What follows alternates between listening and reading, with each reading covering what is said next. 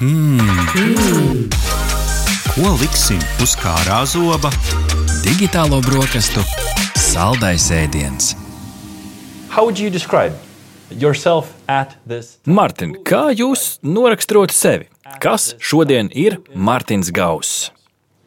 very motivated at the moment coming out of, of the uh, largest crisis in aviation history. To... Es jūtos ļoti motivēts šobrīd, atkopjoties no aviācijas vēsturē lielākās krīzes.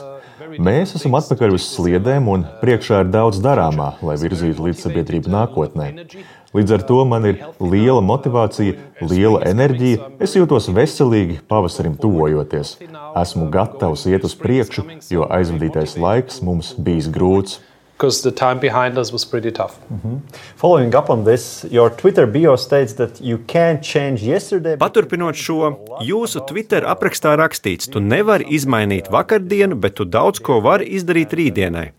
Kā var izmainīt kaut ko, kas vēl nav noticis? Um, how that is meant is that a lot of people try to change the past, right? They keep going on about what they did wrong. I don't do that. Tas ir domāts tā, ka daudzi cilvēki cenšas mainīt pagātni. Viņi pārdzīvo notikušo. Es tā nedaru. Es mainu sevi, tad, kad saprotu, ka tas ir nepieciešams. Man ir ikrīta rutīna, un es izbaudu katru dienu. Un es ieinteresētajiem līdzcilvēkiem, tā skaitā saviem bērniem, saku: netērē laiku uz lietām, kuras tu vairs nevari izmainīt. Bet ir tik daudz cilvēku, kuri cenšas izmainīt to, kas jau ir aizgājis.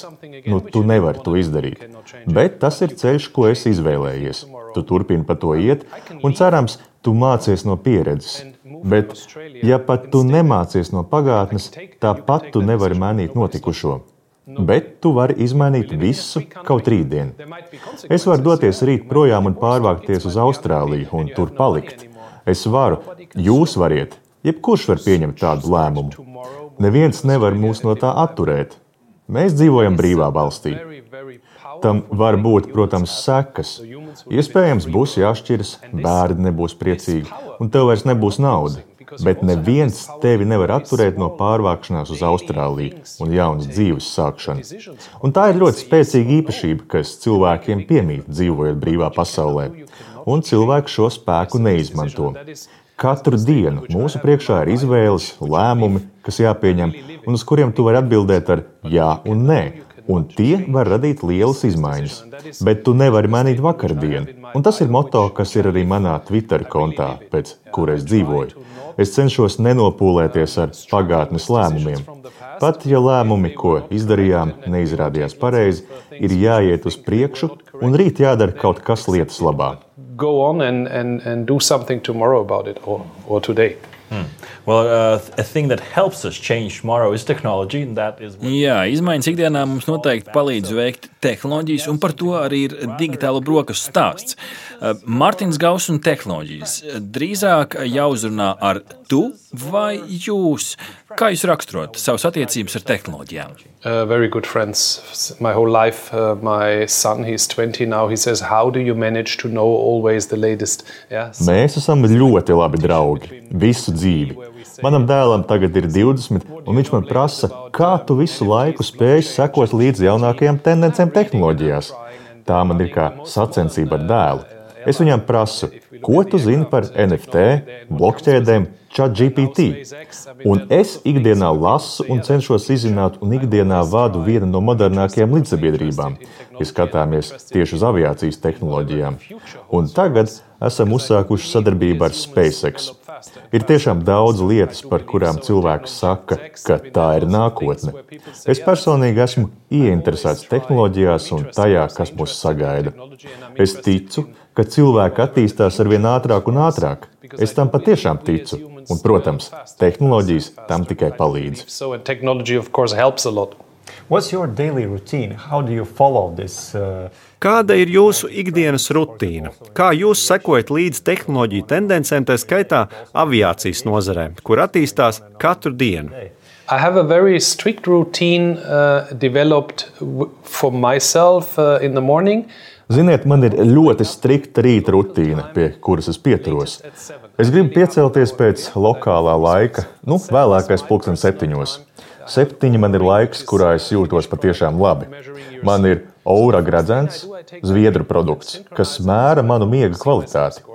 Pieceļoties, nosinhronizēju datus, lai redzētu savu miega novērtējumu un gatavību dienai. Šorīt tā bija 80 un 91. Šie abi ir patiešām labi rādītāji. Un tad seko higiēnas lietas, bet pirms es daru jebko citu, es izdzeru espreso un apskatu konkrētus mēdījus. Man ir izveidojies konkrēts algoritms, lai izlasītu par visu, kas noticis, kamēr gulēju. To es izdaru pirms pulksten astoņiem, un tad es daru citas ikrīta rutīnas lietas, un ap astoņiem dodos brokastot. Kad esmu viesnīcā vai tepat Latvijā, es dodos uz kādu brokastu vietu un vai nu notur pirmo tikšanos, vai arī izmantoja to pusstundu, lai vēl dziļāk izlasītu par aktuālo ziņās. Un tās jau vairs nav klasiskās ziņas. Tie var būt akciju jaunumi, vai par ko ir rakstīts, teiksim, blinkist. Man ir viens ekrāns telefonā tikai ar ikonām, kurām izēja noteiktā secībā cauri. Tad es izlasu e-pastus, jo man jau ir iegūtas jaunas zināšanas, un tās es nu varu likt lietā. Tad parasti ap 8.30 dodos uz darbu. Ja cilvēki man izsekot, viņi redzētu, ka mani uzvedības paradumi nemainās. Ap deviņiem esmu birojā, un tad sākas tikšanās. Katra diena ir citādāka, un tad man ir citas ikdienas rutīnas. Ja esmu ārzemēs, cenšos darīt tieši tāpat, bet tas atkarīgs no tā, kur esmu, kādas ir laika zonas izmaiņas un kas cits var iejaukties manā ritmā. Bet es mīlu šo rutīnu un nemainu to arī sestdienu un svētdienu. Ķermenis man pamostas vienā un tajā pašā laikā. Pēdējo trīs gadu vidējais miega ilgums man ir 6 stundas un 55 minūtes. Tas ir vidējais miega ilgums, un tas ir dabiski man. Es to sev neuzspiežu. Ja es noguļu 7 stundas, esmu dienai absolūti gatavs. Tā ir mana rutīna. Man tā ļoti palīdz, jo katru rītu es tā uzņemu lielu zināšanu daudzumu un varu sākt dienu daudz zinošāks. Already in the morning, uh, then starting my day with that knowledge which, which I took overnight. That's definitely a very strict routine. That's, uh, I, I... Jā, tā izklausās pēc diezgan striktas rutīnas, kur noteikti daudz gribētu piekopt, lai spētu ar visu tikt galā. Bet uh, jūs minējāt, ka izmantojat aura gredzenu. Uh, kas vēl ir jūsu džentlmeņa tehnoloģija komplektā? Uh, ko jūs lietojat ikdienā, un varbūt ir kāds neparasts gadgets, kur esat iecienījis? Um, Aura ring is there only at night unless I travel, then I keep it on because I don't want to lose it. Very simple. Aura gredzenes valkāja tikai pa nakti, ja vien neesmu ārzemēs. Ceļojot to valkāja tikai tādēļ, lai nepazaudētu to. Nu, ļoti vienkārši. To ir viegli pazaudēt kaut kur novelkot. Aura gredzens tikai pa nakti. Skaidrs. Bet pa dienu es agrāk mēdzu valkāt Rolex rokas pulksteni. Tagad esmu pārgājis uz Apple Watch. Tie ir divi gadgeti, tātad pulkstenis un gredzens, kur palīdz ar veselības lietām. Un tad vēl arī iPhone vietā runas. Un tas ir praktiski viss. Darbam izmantoju Mac klepi datoru, un tās ir vienīgās ierīces. Ar šīm ierīcēm praktiski var strādāt no jebkuras vietas. Protams, vēl nepieciešams tikai ātrs interneta savienojums. Tā ir kļuvusi par būtisku ikdienas sastāvdaļu. Ir vairākas līdzsabiedrības, kuras internetu jau piedāvā garajos lidojumos, un vienmēr es to izmantoju. Bet, protams, ātrums un lietojamība nav pietiekami laba. Bet mēs, Air Baltica, strādājam, lai mums būtu labāk. But we are doing something about it. We just recently talked on our show about ecosystems. So... Nesen mūsu raidījumā mēs runājām par ekosistēmām.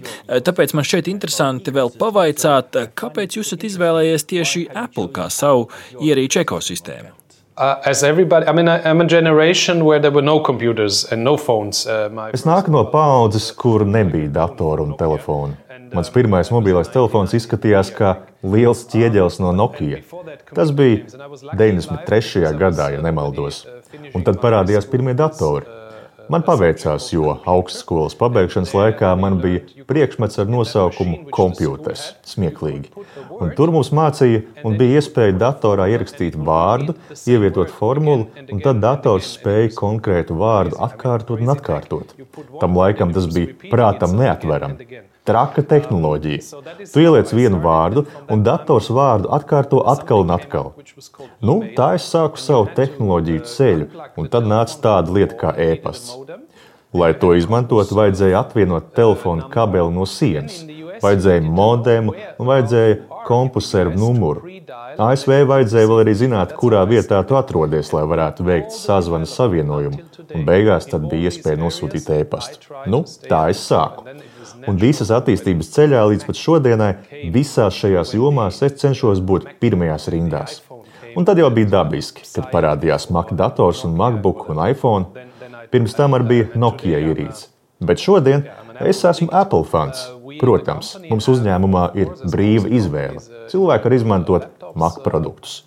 Es esmu Apple tehnoloģijas atbalstītājs, tāpēc man šķiet, ka Microsoft ekosistēma nav tik laba, bet arī tā ir lietojama. It's not as good, but it's there. In, in Air Baltic, you can pay uh, by cryptocurrencies. AirBaltic var maksāt ar kriptovalūtas aktīviem. Vai jūs pats tos arī izmantojat? Yes, since 2014, our CFO Vitols Yakovlevs, and I think that should be in the history books, Jā, kopš 2014. gada mūsu finanšu vadītājs Vitāls Jakovļevs, un tam vajadzētu būt arī piefiksētam vēsturē. Tātad viņš 2014. gadā pie manis atnāca un jau zināja par bitkoinu. Es par to vēl neko nebiju dzirdējis. Un viņš teica, Klau, nu ko tu domā par bitkoinu kā maksājumu veidu AirBaltic? Es tajā ieskatījos. Es iegādājos bitkoinu, lai tehnoloģiju labāk izprastu, pirms mēs to paši ieviesām. Mēs pamatīgi izdiskutējām to un tad ieviesām. Mēs bijām pirmā līdzsabiedrība, kur pieņēma bitkoinu, un kopš tā laika es esmu kripto pasaulē. Esmu ieguvis ļoti daudz zināšanu. Šodien es teiktu, ka viens no maniem lielākajiem hobijiem ir blokķēdes tehnoloģijas. Tas ir mans hobijs. Es tagad esmu vairāk blokķēdes mākslas jomā. Jaunākais vārds tam ir NFT, bet tas varētu mainīties un arī NFT pielietojami. Arī tas ir būtiski. Tas, ko mēs darām, ir Baltika. Tas ir mans šodienas hobijs, bet kriptovalūtas kā norēķins jau spēlē mazāku, nu tādu pakārtotu lomu. Blokķēdes NFT tehnoloģija man šķiet perspektīvāka. Caur AirBaltika es to daudz vairāk iepazinu, jo 2014. gadā, risinot bitkoinu kā maksājumu veidu, tas man viss tā arī aizsākās. No agrīnas fāzes mēs sākām, un man bija iespēja sekot līdz tā attīstībai. Daudz cilvēku tikai tam pievērsās 2020. gadā, kad sākās lielais sajūsmas vilnis. Where many people joined only uh, in 2020, 21 when the, the hype started. Mm. So I hope you have not forgotten your password and your. es ceru, ka neesat no tiem, kas uh, aizmirs savu bitkoinu maciņu paroli. Uh, uh, no, actually, I don't have much Bitcoin, but uh, I have not forgotten any passwords. Nu, manā īpašumā nav daudz bitkoinu, un es neesmu aizmirsis paroli, bet man ir mēģinājuši apkrāpt. Esmu piedzīvojis visas lietas, cilvēkiem pievienojoties šai kripto pasaulē. Un tu nevari kļūt veiksmīgs tajā, ja neesi izgājis cauri dažādiem aspektiem. Bet es teiktu, ka šodien es to labi saprotu. Pat līdz tik labam līmenim, ka man pat par to prasa runāt publiski ārpus uzņēmuma. Es to daru ar lielu prieku. Es tagad esmu ielūgts runāt NFT blokķēdes pasākumā Parīzē. Air Baltica ambīcija ir būt tehnoloģiju pirmajās rindās, un esam tādā ziņā aviācijas nozarē pasaules līderi. Blokķēde nozarē ir pieņemta tehnoloģija, un tā mums dod iespēju dalīties ar Latvijā radītajām tehnoloģijām. Esam tehnoloģija uzņēmums, jo mums ir viena no modernākajiem lidaparātiem. Mums ir modernākie maksājumi un arī moderna lojalitātes programma. Visās šajās jomās mēs esam bijuši pionieri. Līdzsabiedrība, kura ir arī tehnoloģija uzņēmums. So it's an airline which is also a tech company. Mm. Are you a fan of NFT art yourself? Vai jūs um, pats esat NFT mākslas fans? Yes, I, I do. There's, there's many different ways now of NFT art. Jā, ir dažādi NFT mākslas paveidi, bet es esmu liels NFT mākslas fans. Es domāju, ka katrā mājsaimniecībā varētu būt digitālās mākslas elementi. Ir jauki, ka katram ir savi mākslas elementi. Tie ir finansiāli pieejami. Tu vari tos atrādīt gan mājās, gan arī tajā pašā laikā visapkārt pasaulē, un vari arī pierādīt īpašumtiesības. Es domāju, ka blokķēdes NFT māksla būs nopietna daļa no mākslas pasaules. Un tad, protams, ir arī tie ekstrēmie gadījumi, kad atsevišķi mākslas darbi ir ļoti, ļoti dārgi, bet tajā pašā laikā ir dažādi interesanti attīstības scenāriji. Piemēram, mākslīgais intelekts un NFT. Kad mākslīgais intelekts sāk radīt mākslu, tas ir vēl viens lauciņš, no kura izveidosies sava niša.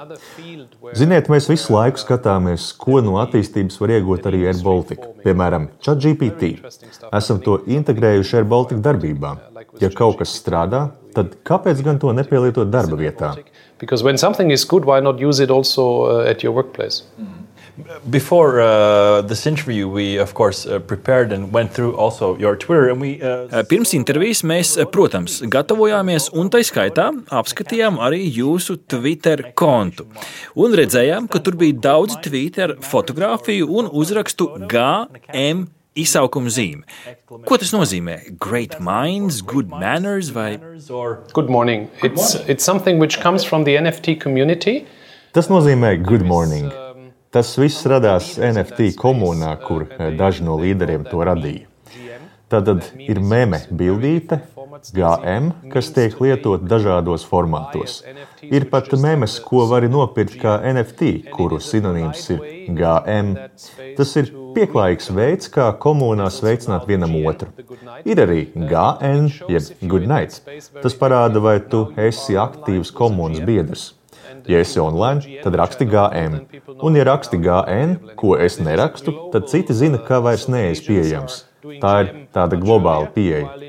Āzijā dzīvojošie GM parasti publicē daudz agrāk, no rīta, dienas pirmajā pusē. Savukārt ASV tas notiek vēlāk.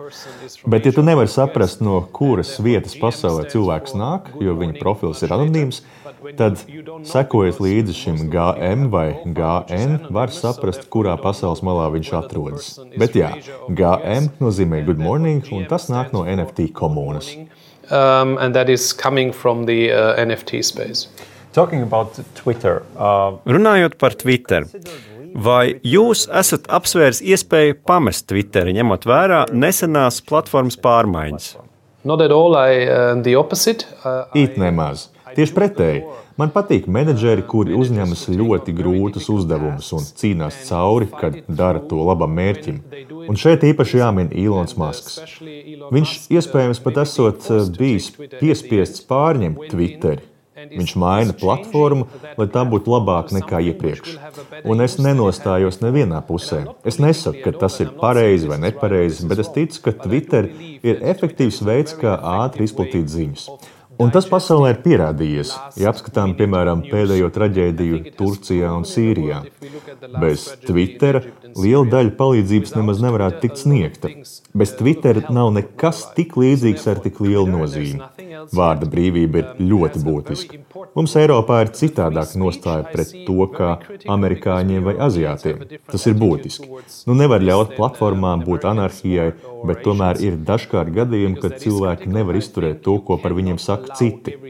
Dažkārt tas kļūst pat pārāk personiski, bet man patīk, ka Twitter ir izvēlējies pieeju, ka tā pielietojumi paplašinās. Piemēram, ka ir Twitter Blue, kur tev ir jāsmaksā nedaudz naudas par to, ka tev ir pieejamas mazliet plašākas iespējas. Un man tas šķiet pieņemami.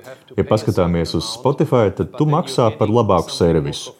Un, ja paskatāmies uz Netflix, nu redziet, mēs visi izmantojam servisus, kuros ir ieguldīts milzīgs darbs, lai to padarītu profesionāli. Un līdz ar to Twitterim izvēloties maksas abonementu pieeju, tas ir pareizais ceļš, jo viņi tā varēs iziet no zaudējumiem. Viņi piedzīvoja zaudējumus un biznesi, kas zaudē, ilgi nevar pastāvēt. They were making losses, and loss-making businesses do not have a future. Speaking of uh, Twitter and Elon Musk, Eh, runājot tieši par Ilonu eh, Masku, kā jūs nonācāt līdz idejai par Starlink internetu Air Baltica lidmašīnās? Vai Ilons Masks spēlēja kādu lomu šajā stāstā? um, in 2011, we had to decide for a new aircraft type. Tātad 2011. gadā mums bija jāizlemj par jaunu lidmašīnu modeli.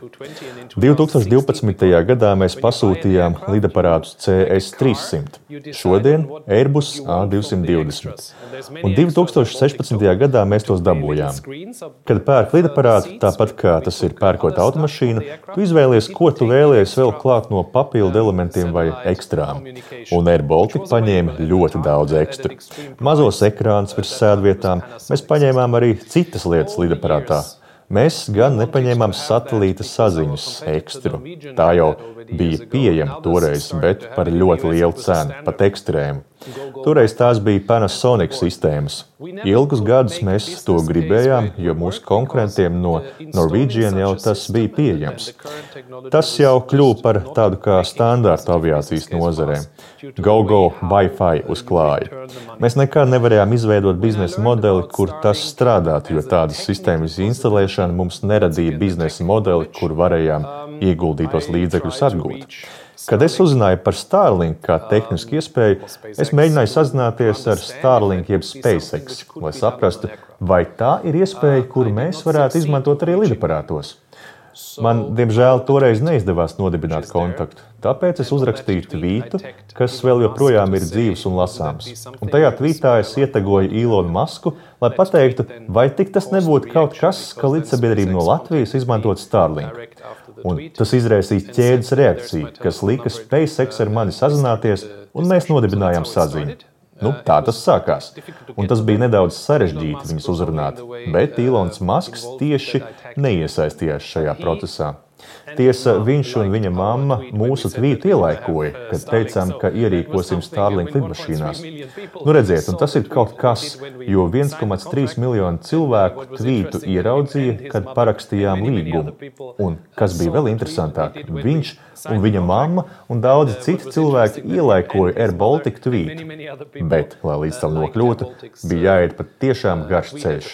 But to get to that point uh, was a long way. Another example of uh, the Twitter power. Jā, lūk, vēl viens piemērs Twitter spēkam. No, Twitter has power, of course, but we have. Twitterim, protams, ir spēks, bet mums ir jāapzinās, ka to arī var pielietot sliktiem mērķiem, un to mēs esam pieredzējuši pagātnē. Man šķiet, ka ir jābūt kopējai izpratnē par to, kāda ir mēdīju vide, kas notiek tur. Sevišķi tas ir svarīgi, piemēram, mana jaunākā bērna gadījumā ar TikTok, jo viņa to, kas tur tiek publicēts, uztver kā patiesību. Un tad ir jaunā paudze, nu pati jaunākā paudze, kas dažkārt nevar izspriest, kas ir patiesa. Nu, tur rodas bīstamība. Bet tas arī viss. Mēs visi dzīvojam šajās vidēs. Un manas mazās meitiņas paudze ir tā paudze, kas būs vienu dienu pensionāri un viņi visi būs radījuši pasauli, kurā viņi dzīvo. Es to nevaru izmainīt, bet es tikai varu mācīties no tā, kādas zināšanas mana paudze ir radījusi. Atcerieties, bija Clubhouse, kas man šķita, ka būs jaunā lielā lieta, bet tad tā pazuda.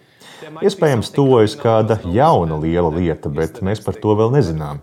Šodien sociālo mēdīju vietnēs Es pavadu visvairāk laika, lai lasītu ziņas, tā skaitā Twitterī.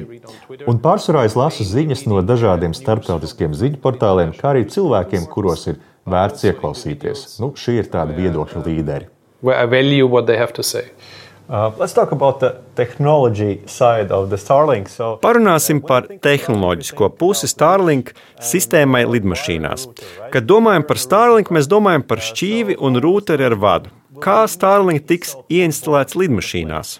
So we have this I brought last week from uh, Los Angeles when we were visiting uh, SpaceX again. Šo iekārtu mums iedeva pagājušajā nedēļā, kad mēs atkal apmeklējām SpaceX. Šī plānā plātne ir oriģināla Starlink antena, kas tiks vēlāk uzmontēta uz lidmašīnas jumta. Tā ir ļoti plāna. Tā ir ļoti plāna un ar mazu rāmīti. Un rāmis ir tikai tāpēc, lai to varētu pieskrūvēt pie korpusa. Un uz klāja būs tikai viena tāda antena. Uz klāja būs tikai viena šāda antena. Tam ir strāvas vats un vats, kas iet uz rūteni. Vats iet iekšā lidaparātā pa speciālu caurumu, un uztvērēja plātne ir uz lidmašīnas. Tam ir savienojums ar lidaparātu un trīs rūteru kastītes lidmašīnas griestos. Un tiklīdz lidmašīna tiks iedarbināta, antena saņems jaudu un tā spēs uztvert Starlink satelīta savienojumu. Tā ir tieši tāda paša veida antena, kādu var nopirkt Starlink mājaslapā. Tā, ko tu vari uzstādīt mājās, ir nedaudz mazāka, bet tā ir tieši tāda pati tehnoloģija kā tām antenām, kas tiks uzstādītas lidmašīnās. Nu, atšķirība nav nekāda. Pat rūteru kastītes ir tās pašas, ko iegūst savām mājas antenām. Mūsu gadījumā tās vienkārši nebūs redzamas, un viss, ko tev jādara, iekāp lidmašīnā. Internets visu laiku tur būs pieejams, kā pasažieriem, tā apkalpē. Tev tikai jāizvēlas Wi-Fi, kur varēsim nosaukt atbilstoši lidmašīnai. Nav paroli, nav lietotāja vārds, bet tev ir pieejams ātrs internets. Vienkārši. Ātrums, kas būs pieejams lidaprātā, būs tik pietiekams, ka katrs pasažieris varēs skatīties Netflix vai darīt jebko citu. Tu nebūsi ierobežots datu patēriņā, tu nebūsi ierobežots lietojumā. Mums, protams, būs jāievieš kādi noteikumi, jo esam aviācijas industrijā, kur pastāv noteiktas drošības procedūras, bet mēs noteikti neierobežosim to, ko cilvēku uz klāja darīs. Nu, tiesa, ja tas kļūs nekontrolējami, mums būs jāievieš vairāk noteikumu. Piemēram, ja visi ieslēgs savas tīmas sapulces uz pilnu jaudu, tas var radīt problēmas, bet mēs gribam tādu brīvību. SpaceX un Starlink gars un visa ideja mūs ļoti uzrunā, jo brīvība mūs uzrunā arī AirBaltic komandā.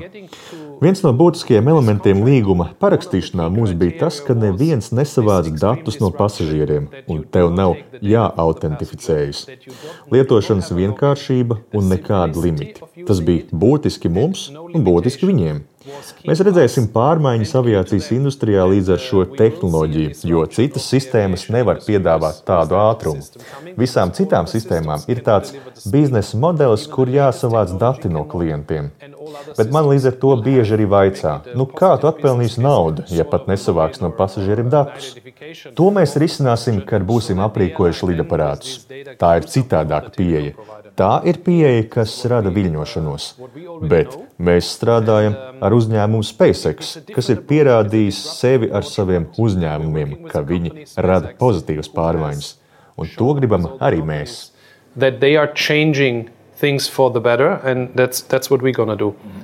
So that the listeners understand what we have in front of us here. Tikai lai klausītāji saprastu, kas ir mūsu priekšā, tad, tad ļoti plāns panelis, kas izskatās kā liels monitora ekrāns. It's, it's, it's, that's a, a coating, just a coating. Underneath is a, a plast, hard, very hard plastic.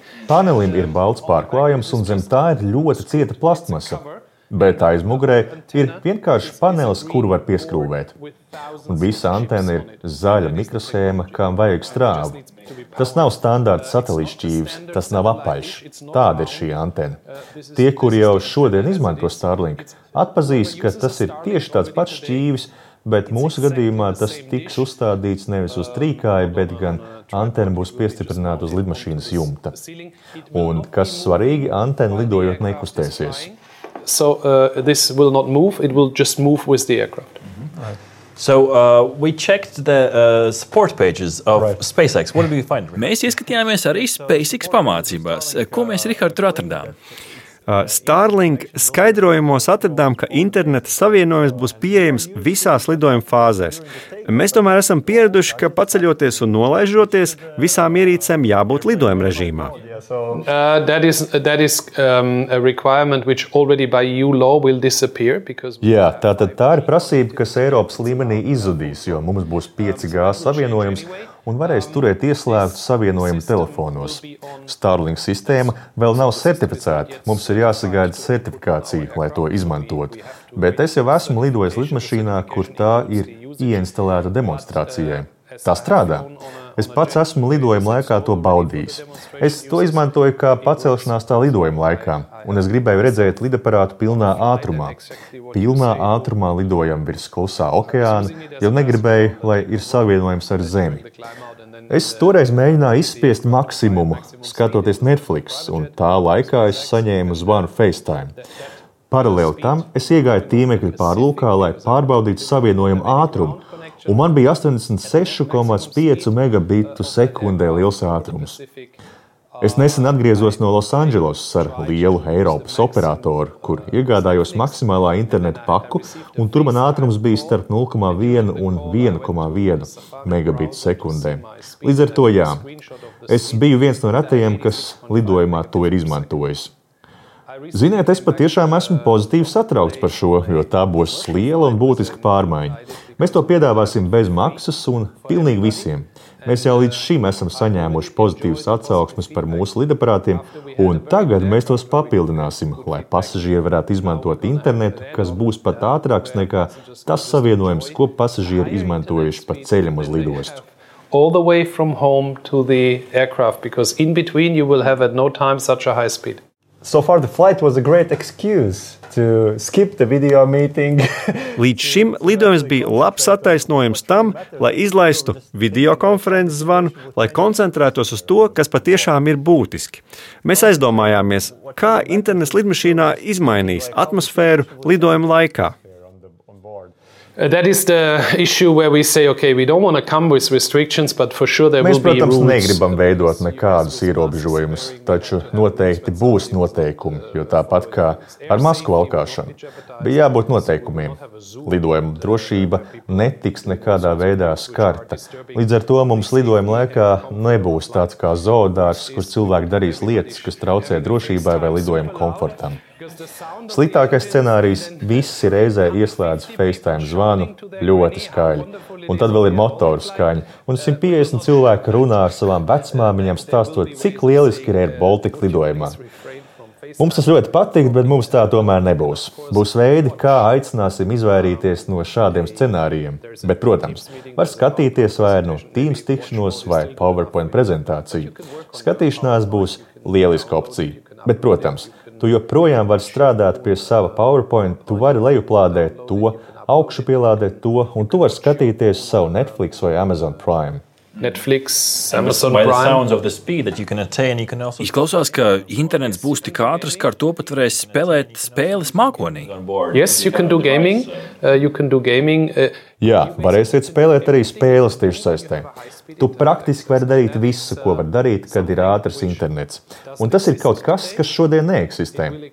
Bet tas eksistēs pie mums. Mēs gan neesam pirmie pasaulē. Ir jau ASV reģionālo lidojumu uzņēmums ar mazajām Embraer lidmašīnām. Viņiem ir aprīkotas 16 lidmašīnas. Un tad vēl Hawaiian Air bija tehniski pirmās, kas pieteica tādu vēlmi saviem Airbus A320 gaisa kuģiem, bet viņi vēl nav saņēmuši atļauju. Bet šīs antenas tiek ražotas tik lielos daudzumos, jo mēs neesam nu dienu pēdējā līdzsabiedrība, kas tos gribēs. Mēs gaidām certifikāciju priekš Airbus A220, un tad mēs to instalēsim. For the Airbus A220, uh, and then we will be installing it. Just for cl- clarification, so Tikai lai noprecizētu, Air Baltica būs pirmā līdzsabiedrība Eiropā. doing this, The right? fir- the first on the A220 because we do this. Jā, Air Baltica būs pirmā līdzsabiedrība Eiropā, un šis būs pirmais šāda veida risinājums A220 lidmašīnās. Un pašlaik mēs ejam cauri certifikācijas procesam kopā ar Airbus un SpaceX. Mēs iegūstam certifikāciju, un tas notiek tieši šobrīd. Mēs būsim pirmie Eiropā, kuriem antenas būs uzstādītas. which will have it installed. I might be reaching with this next question, but uh, Es iespējams šobrīd prasu par daudz ar savu nākamo jautājumu, bet vai zināt jau, kuri galamērķi un kad saņems internetu lidmašīnā? So when this antenna uh, is certified, Nu, to vēl tik viennozīmīgi atbildēt nevar, jo mēs šobrīd esam vēl certifikācijas procesā. Kaut arī mēs varētu šodien to antenu jau uzlikt un tā strādāt. Tehniski tā strādā, bet, ziniet, aviācijā ir jāiet cauri stingriem certifikācijas procesiem ar Federālo aviācijas administrāciju un Eiropas Savienības aviācijas drošības aģentūru. Laika līnija varētu būt gadu gara, nu varētu būt 6 līdz 9 mēneši. Momentā, kad mums ir atļauja, mēs aprīkosim pilnīgi visu floti. Un mēs uz to skatāmies kā trīs mēnešu darbu. Kā mums ir atļauja, pēc trim mēnešiem internets būs visās lidmašīnās. all aircraft and all flights. let's talk about innovations and Air Baltic because Parunāsim par inovācijām Air Baltica. Jo skaidrs, ka arī internets lidmašīnā ir inovācija, un es tā prātoju, kā dažādas inovācijas Air Baltica dod labumu tieši līdzsabiedrībai. Mēs runājam šobrīd par Starlink internetu, par NFTs, par citām brīnišķīgām lietām, kuras Air Baltica veids, bet kam no tā beig beigās ir labums? Reputācijai. Kāpēc jūs ejat uz priekšu ar visām jaunajām lietām, kuras cilvēki varētu iespējams uzskatīt vēl par nelīdz galam sevi pierādījušām, notestētām? Lietām, kāpēc to darīt? We always do it based on a business case. So uh, the NFTs were based on a business case. Vienmēr visa pamatā ir biznesa aprēķins. NFT bija balstīta uz konkrētu aprēķinu. Tu investē laiku, naudu, resursu, bet tev ir jābūt skaidram, kādas ir izmaksas un kāda būs ienākuma. Un tad, protams, vienmēr ir kādi pieņēmumi, bet kā jau uzņēmumam, tev ir jābūt spējai spriest, vai šie pieņēmumi ir realistiski. Ja mēs par piemēru ņemam NFT, tad ar tiem bija ļoti vienkārši. Mēs radījām savu kolekciju, Plēnijas, un tā bija otrā kolekcija biežo lidotāju programmā. Pirmā bija jau laicuņi iepriekš. Mēs radījām PFP kolekciju, kurai ir dizains, kurai ir izstrādes izmaksas, ir augšuplādes izmaksas, un tad seko mintings desmit tūkstošu gabalu apjomā. Un mēs vienu pārdodam par aptuveni 100 dolāriem. Tātad 100 dolāri reizes 10 tūkstoši ir 1 miljons dolāru. Un rezultāts ir tāds, ka katrs pasažieris dienā saņem 20 eiro Baltika lojalitātes punktus, neko nedarot, pat nelidojot, vienkārši savā īpašumā turot vienu NFT plēnīs. Ja tavā īpašumā ir vairāk plēnīs, tad aug arī tavi lojalitātes punkti. Tā ir tāda tīri komerciāli motivēta pozitīva situācija respektīvi win-win pasažieriem un arī mums. Un vēl ko vajadzētu izcelt, NFT ir konkrēts pielietojums biežo lidotāju programmā. Tātad, kā jau minēju, tu saņem 20 lojalitātes punktus. Un tu saņem arī citus labumus, ko nedabūtu citā veidā, ja tavā īpašumā nebūtu šis NFT. Mēs bieži saņemam jautājumu, no kurienes šīs idejas rodas. Nu, redziet, mēs esam gandrīz 2,5 tūkstoši darbinieku. Ir daudz cilvēku ar idejām, un tā kultūra AirBaltic ir tāda, ka, ja tev ir ideja, tad mums ir tā saucamais idea hub. Mēs iedrošinām cilvēkus, mēs pat aktīvi uzrunājam kolēģus. Lūdzu, nāciet kopā un ģenerēsim kopā idejas. Mums katru nedēļu ir pulcēšanās un citi veidi, kā cilvēkiem likt galdā savas visstrakākās idejas. Protams, mūsu cilvēki ir ar pamatzināšanām aviācijas industrijā. Tātad viņiem rodas idejas, kas nerastos, piemēram, ja tu strādātu auto industrijā, jo šajā gadījumā tu visu laiku saskaries ar tūkstošiem Airbus lidojumu. Tātad, ja esi piemēram no Ground Operations Department un redzi lidojumus ienākumu un izējām, tad iespējams vienu dienu tev ienāk prātā ideja, ko vajadzētu šajā sistēmā mainīt. Ja tā ideja ir sakarīga un tā ideja pārvēršas reālā biznesa idejā, mēs to atbalstām. Un dienas beigās tas ir veids, kā Air Baltica kļuva par tehnoloģiju inovāciju uzņēmumu, par vienu no labākajiem pasaulē. Par to mēs arī saņemam inovāciju balvas. Arī jaunāko lidaparātu tehnoloģiju iegāde, ko sākotnēji motivēja ilgspējas vajadzības un emisiju samazināšana. Arī tas ir veids, kā inovēt. Lidaparāts pats par sevi ir tehnoloģija, jo tas iet pa priekšu citām lietām, kas ir pieejamas šodien. Tātad praktiski mums ir lidaparāts, un līdz ar to mums ir vajadzība tiekties uz nākamajiem soļiem. Piemēram, lidaparāta vadības kabīne bez papīriem. Tagad mums uz Zemes ir tikai elektriskās automašīnas. Kāpēc? Jo mums ir jādemonstrē ilgspēja. Mums ir ceļa kārta uz nulles emisijām. Tas ir lielais mērķis. Mēs šogad maksājam 26 miljonus tikai tam, lai nopirktu emisiju certifikātus, jo mēs joprojām emitējam CO2. Bet mēs mainām vismaz kompānijas automašīnas uz elektroautomašīnu. Nu, tas ir niecīgi salīdzinot ar lidaparātiem, bet mēs tā samazinām atstāto pēdu, vismaz cenšamies. Šīs visas lietas ir jāskata kopā. Un tagad kāds varētu teikt, ka Air Baltica brauc tikai ar elektroautorātu, un tā ir inovācija. Jā, tā varētu teikt, jo tā šobrīd ir jaunākā tehnoloģija. Bet tas savukārt mūs noveda pie nākamā jautājuma, kā šīs automašīnas lidostā lādēt, jo lidostas teritorijā uzlādes staciju nav. Nu, vēl nebija pirms kāda laika. Un tā mēs atradām savu risinājumu. Atkal, to radījām paši pie sevīm. To iespējams jau redzēt stāvvietā. Katrai automašīnas vietai ir lādēšanas iespēja, atsevišķa uzlādes stacija. Tikai darot lietas, kas ir inovāciju veicinošas, rodas pieredze. Brīdī, kad jau esi izdevis NFT, nav vairs jautājumu, kā to izdarīt. Tu to esi apguvis. Un man patīk, ja kaut ko esi izdarījis un esi to arī pabeidzis, tad ir vieta jauniem horizontiem. Par to arī inovācijas stāsts. Tāpēc cilvēki attīstās ļoti strauji. Inovācijas dzēna uz priekšu, citas inovācijas. The human race is, is developing like this because innovation drives innovation. So we have Starlink. Uh, Tātad mēs varam gaidīt Starlink tuvākajā nākotnē.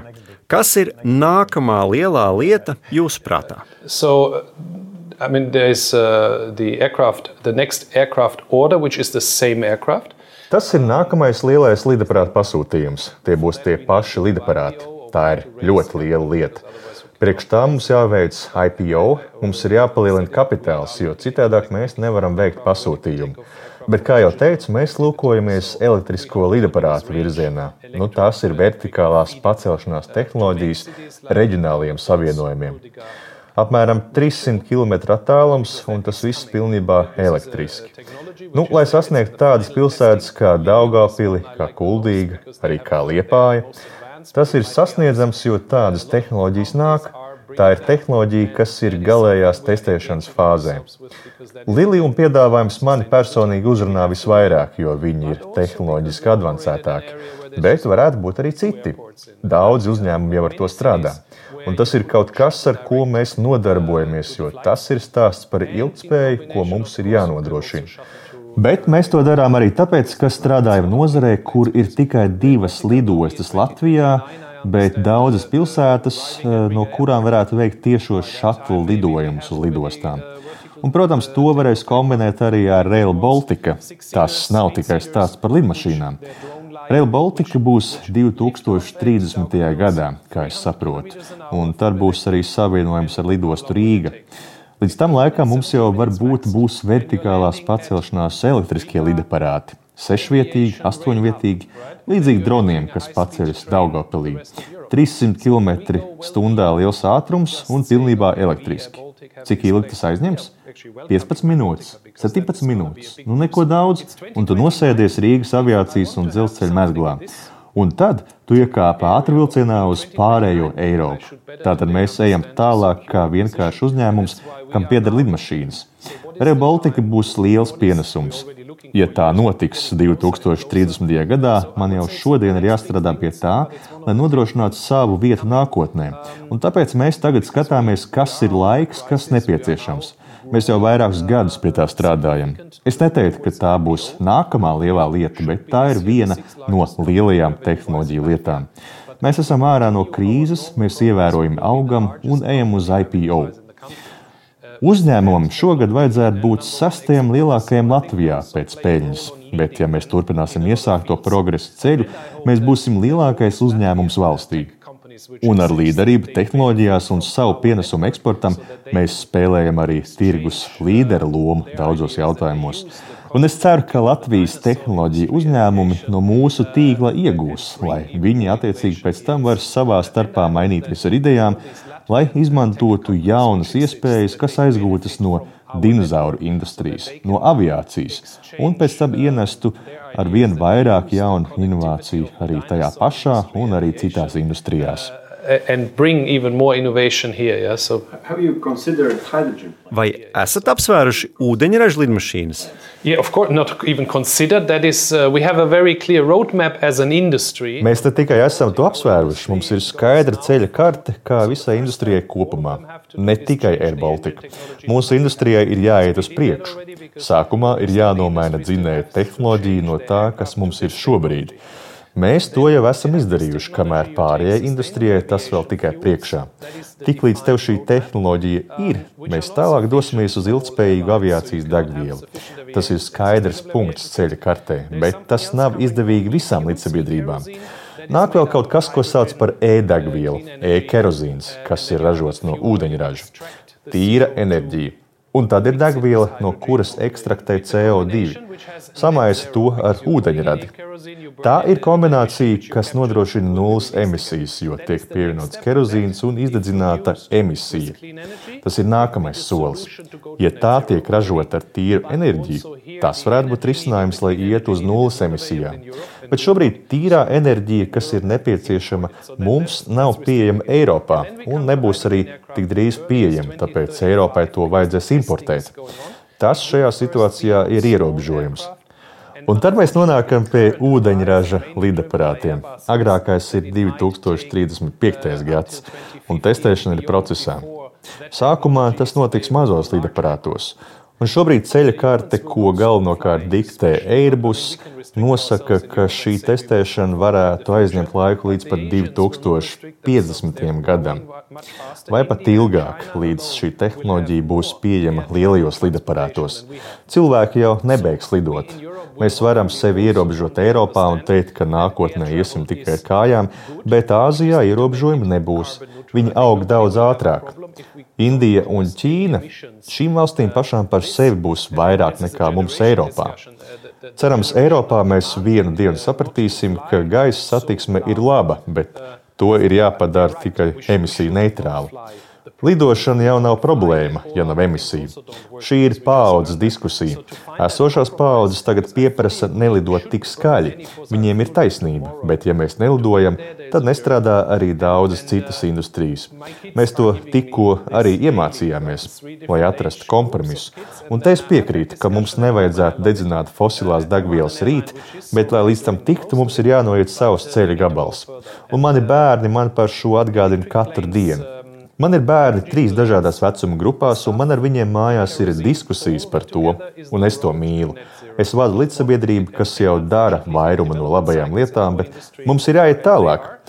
Un elektriskās lidmašīnas, ūdeņraža lidmašīnas, SAF, e-kerozīns, tas viss ir komplekts ceļā uz nulles emisijām. Tā nav tikai viena lieta. Un, diemžēl izstrādes cikli aviācijā ir tādi, kādi tie ir. Tie aizņem laiku. Tos nevar pātrināt. Mēs arī par to diskutējām ar SpaceX, kuru bizness ir raķetes. Un, ja es redzēju Starship, tiem klausītājiem, kuriem interesē, ir interesanti skatīties uz viņu pieeju.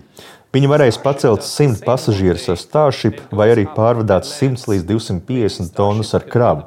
Šodien Falcon 9 raķete paceļas un nosēžas, un cilvēki jau to pieņem kā normu. Katras četras dienas tas notiek, un cilvēki to pieņem. Tas jau ir normāli. Ja Starship darīs to pašu vienu dienu, tad pacelsies un nolaidīsies. Varbūt Starship varēs būt garo distanču lidaparāts. Jo, ja tu vari pacelties augšā, tad vari arī nosēsties. Piemēram, Austrālijā 30 minūtes vēlāk. Tātad tas sāksies ar kravu pārvadājumiem. Un, ja tev ir tā tehnoloģija un 250 tonnas ar kravu no Ķīnas uz Eiropu, tiek pārvests 30 minūtēs, nu, kāpēc gan ne? SpaceX uz to gan nestrādā. Viņi strādā uz saviem risinājumiem un cilvēku nogādāšanu uz Marsa. Bet varbūt kādu dienu. Tās, protams, ir fosilās degvielas, ko viņi dedzina. Tā nav laba ideja, ja redzi, ko patērē raķete bet varbūt mēs arī tam atradīsim kādreiz risinājumu. Es teiktu, ka ir jāpaliek atvērtiem šīm idejām, jāuzstāda mērķi, jākļūst oglekļa neitrāliem, bet galvenais nenogalinot industriju, sakot, ka tas ir jādara ātrāk nekā tehnoloģija progress to pieļauj. Tas ir kaut kas, ar ko Eiropā aizraujas. Mēs nogalinām kaut ko, lai tikai vēlāk saprastu. Un te vācieši ir pasaules čempioni. Viņi nogriež atomenerģijas spēkstacijas, lai tikai vēlāk saprastu, ka tās viņiem tomēr vajadzēja. Es esmu vācietis, un es tā varu teikt. Bet tagad Eiropā iekšzemes dzinēja auto vairs nevajadzētu ražot pēc 2035. gada. Eiropa balstās uz iekšzemes dzinēju ražošanu. Un kas notiks? Rūpnīcas būs ārpus Eiropas, un mēs piegādāsim visur citur. Iekšzemes koprodukta ieguvums būs tām valstīm, kas atrodas ārpus Eiropas. Bet tas nu reiz ir uzņemtais ceļš, un mēs uz to ejam. Savukārt pēc pāris gadiem tas atkal var mainīties. Un tas var tikt atlikts. Tas ir ambiciozi, bet varbūt pat pārāk ambiciozi. Ambitious, but maybe too ambitious. So, to, uh, to round up our conversation, I Lai lēnām noslēgtu mūsu sarunu, tad es saprotu, ka aviācijas nozare dodas uz zaļāku ceļu. eh, To mēs sapro, saprotam. Bet eh, bez tā, kas mūs vēl sagaida? Vai lidojumi būs eh, ātrāki, ērtāki, lētāki? Not cheaper, not cheaper, because I think the industry went wrong. Lētāk, nē, noteikti ne lētāk. Man šķiet, ka industrija nokļūdījās, radot iespēju, ka var lidot par vienas kafijas krūzes cenu no šejienes līdz Sicīlijai. Nu, tas nav pareizi. Tas ir nepareizi pret vidi, tas ir ētiski nepareizi, jo nevar būt tā, ka taksis uz lidostu tev maksā 20 eiro, un tajā pašā laikā tu lido par 5 eiro. Es zinu, ka šobrīd cilvēkus provocēju, jo ir viegli tā teikt no bagāta vīra perspektīvas, ka cilvēkiem nevajadzētu lidot par 5 eiro. Bet ko es gribētu? Ir tādi lidojumi, kas ir finansiāli pieejami un arī atbilstoši izmaksām. 2000 km gaisā pāris stundu laikā. Ir jānovērtē tāda ceļojuma izmaksas.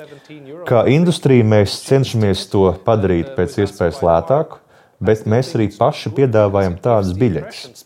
Ar Air Baltica tu vari lidot par 17 eiro lētākajā gadījumā. Man joprojām šķiet, ka tas nav īsti labi, jo tas rada iespēju īpaši jauniem ceļotājiem, ka tas viss notiek tik vienkārši. Nu, tā tam nevajadzētu būt. Vajadzētu būt taisnīgai cenai. Tajā pašā laikā cilvēki tērē daudz lielākus līdzekļus uz citām lietām, par to nemaz nedomājot. Ja esi gatavs ceļot apkārt pasaulē, tad tev tam ir jābūt gatavam, jo ikdienā tu dari daudz vairāk lietu, kas maksā arī attiecīgi vairāk. Un tās varbūt nav nemaz tik būtiskas kā ceļošana. Es nesaku, ka biļešu cenas augs. Biļešu cenas ir mūsu izmaksu rezultāts un arī konkurences rezultāts. Konkurence ir tur, tāpēc izmaksas nosaka biļetes cenu. Un šobrīd mums ir biļešu cenas, ko nosaka degvielas cena. Ja degvielas cena kristos, arī biļešu cena kristos. Ja degvielas cena kāps, arī biļešu cenas kāps. Tas ir galvenais izmaksu faktors. Un konkurence nodrošina to, ka biļetes vienmēr ir zemākajā līmenī. Jo, ja tu nepiedāvā lētāko biļeti, kāds cits to izdarīs. Līdz punktam, kur visi strādā tikai ar nelielu peļņu. To the point that everybody just makes a profit.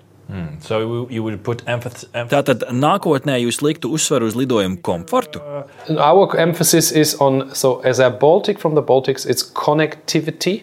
Mūsu uzsvars kā Air Baltica ir uz savienojamību. Mēs esam nacionālā līdzsabiedrība, un mūsu uzdevums ir savienot un atbalstīt Latviju un citus galamērķus, ko apkalpojam. Mēs esam Latvijas līdzsabiedrība, vairāk mums pieder Latvijas valstī. Un, kad būsim biržā, mēs joprojām lielā mērā piederēsim Latvijas valstī. Mūsu loma ir savienot Latviju un Baltijas valstis, un tā ir atslēga tam, ko ikdienā darām. Mēs strādājam hibrīda modelī, kur mums ir arī pilna servisa biznesa klase, kas apvienota ar ultra zemu izmaksu pārējām sēdvietām. Mēs varam uzrunāt visus ceļotājus, ņemot vērā, ka mūsu tirgus ir salīdzinoši mazs. Reizē apkalpojam biznesa klasi, bet arī piedāvājam pieejamākus lidojumus aizmugurējā lidmašīnas daļā. Mēs esam vienīgā līdzsabiedrība Eiropā, kas to sakombinē tik ekstrēmi, bet tas strādā pie mums. Un tas ir pateicoties mūsu lidaparātiem un lokācijai. Tas ir mūsu fokus nākotnē. Yeah, but that, that's what we focus on uh, also for the years to come. So just to round it up, uh, Lai noslēgtu mūsu sarunu, ko vēl Mārtiņš Gauss cer sasniegt? Kā vēlaties, lai jūs atceras vēstures anālēs? Uh, I want my kids, when I'm not here anymore, Kad es vairs nebūšu šeit, es vēlos, lai mani bērni mani atceras kā lielisku tēvu. Tā ir vienīgā atmiņa, ar kādu es gribu, lai mani atceras, jo nav it nekā svarīgāka. Man ir trīs bērni, un es gribu, lai viņi atceroties par mani, saka, ka biju labs tēvs. Šodien es arī esmu labs tēvs, jo rādu piemēru ar līdzsabiedrības vadīšanu Eiropā. Un viņi redz to kā kaut ko labu, ko es daru. Vienā teikumā tas ir tas, ko es gribētu, lai par mani saka. Nu, tas būtu labi. Bet man gan jums ir jāsaka, ka es grasos dzīvot vēl kādus 50 līdz 60 gadus. Tātad tas nepienāks tik drīz, jo mani enerģijas līmeņi joprojām ir augsti. Es jūtos ļoti jauns, un arī mans aura gradzens man saka, ka esmu jaunāks nekā pasē. Un tā es arī turpināšu. Nevariet mani vēl norakstīt. Iespējams, citi jau būs pensijā, bet es vēl būšu te. Uh, there might be some other pensioners already, and I'm still around. Excellent, very good. Thank you. Lieliski! Paldies jums par burvīgo sarunu! Thank you! Paldies jums! Aha! Paldies, ka noklausījāties mūsu līdz galam! Ja patika, uzspiediet laiku, atstājiet komentāru vai padalieties ar draugiem. Un nobaudiet arī citas epizodes, kā arī sekot mums, lai nepalaistu garām savu ikdienas tehnoloģiju ziņu devumu.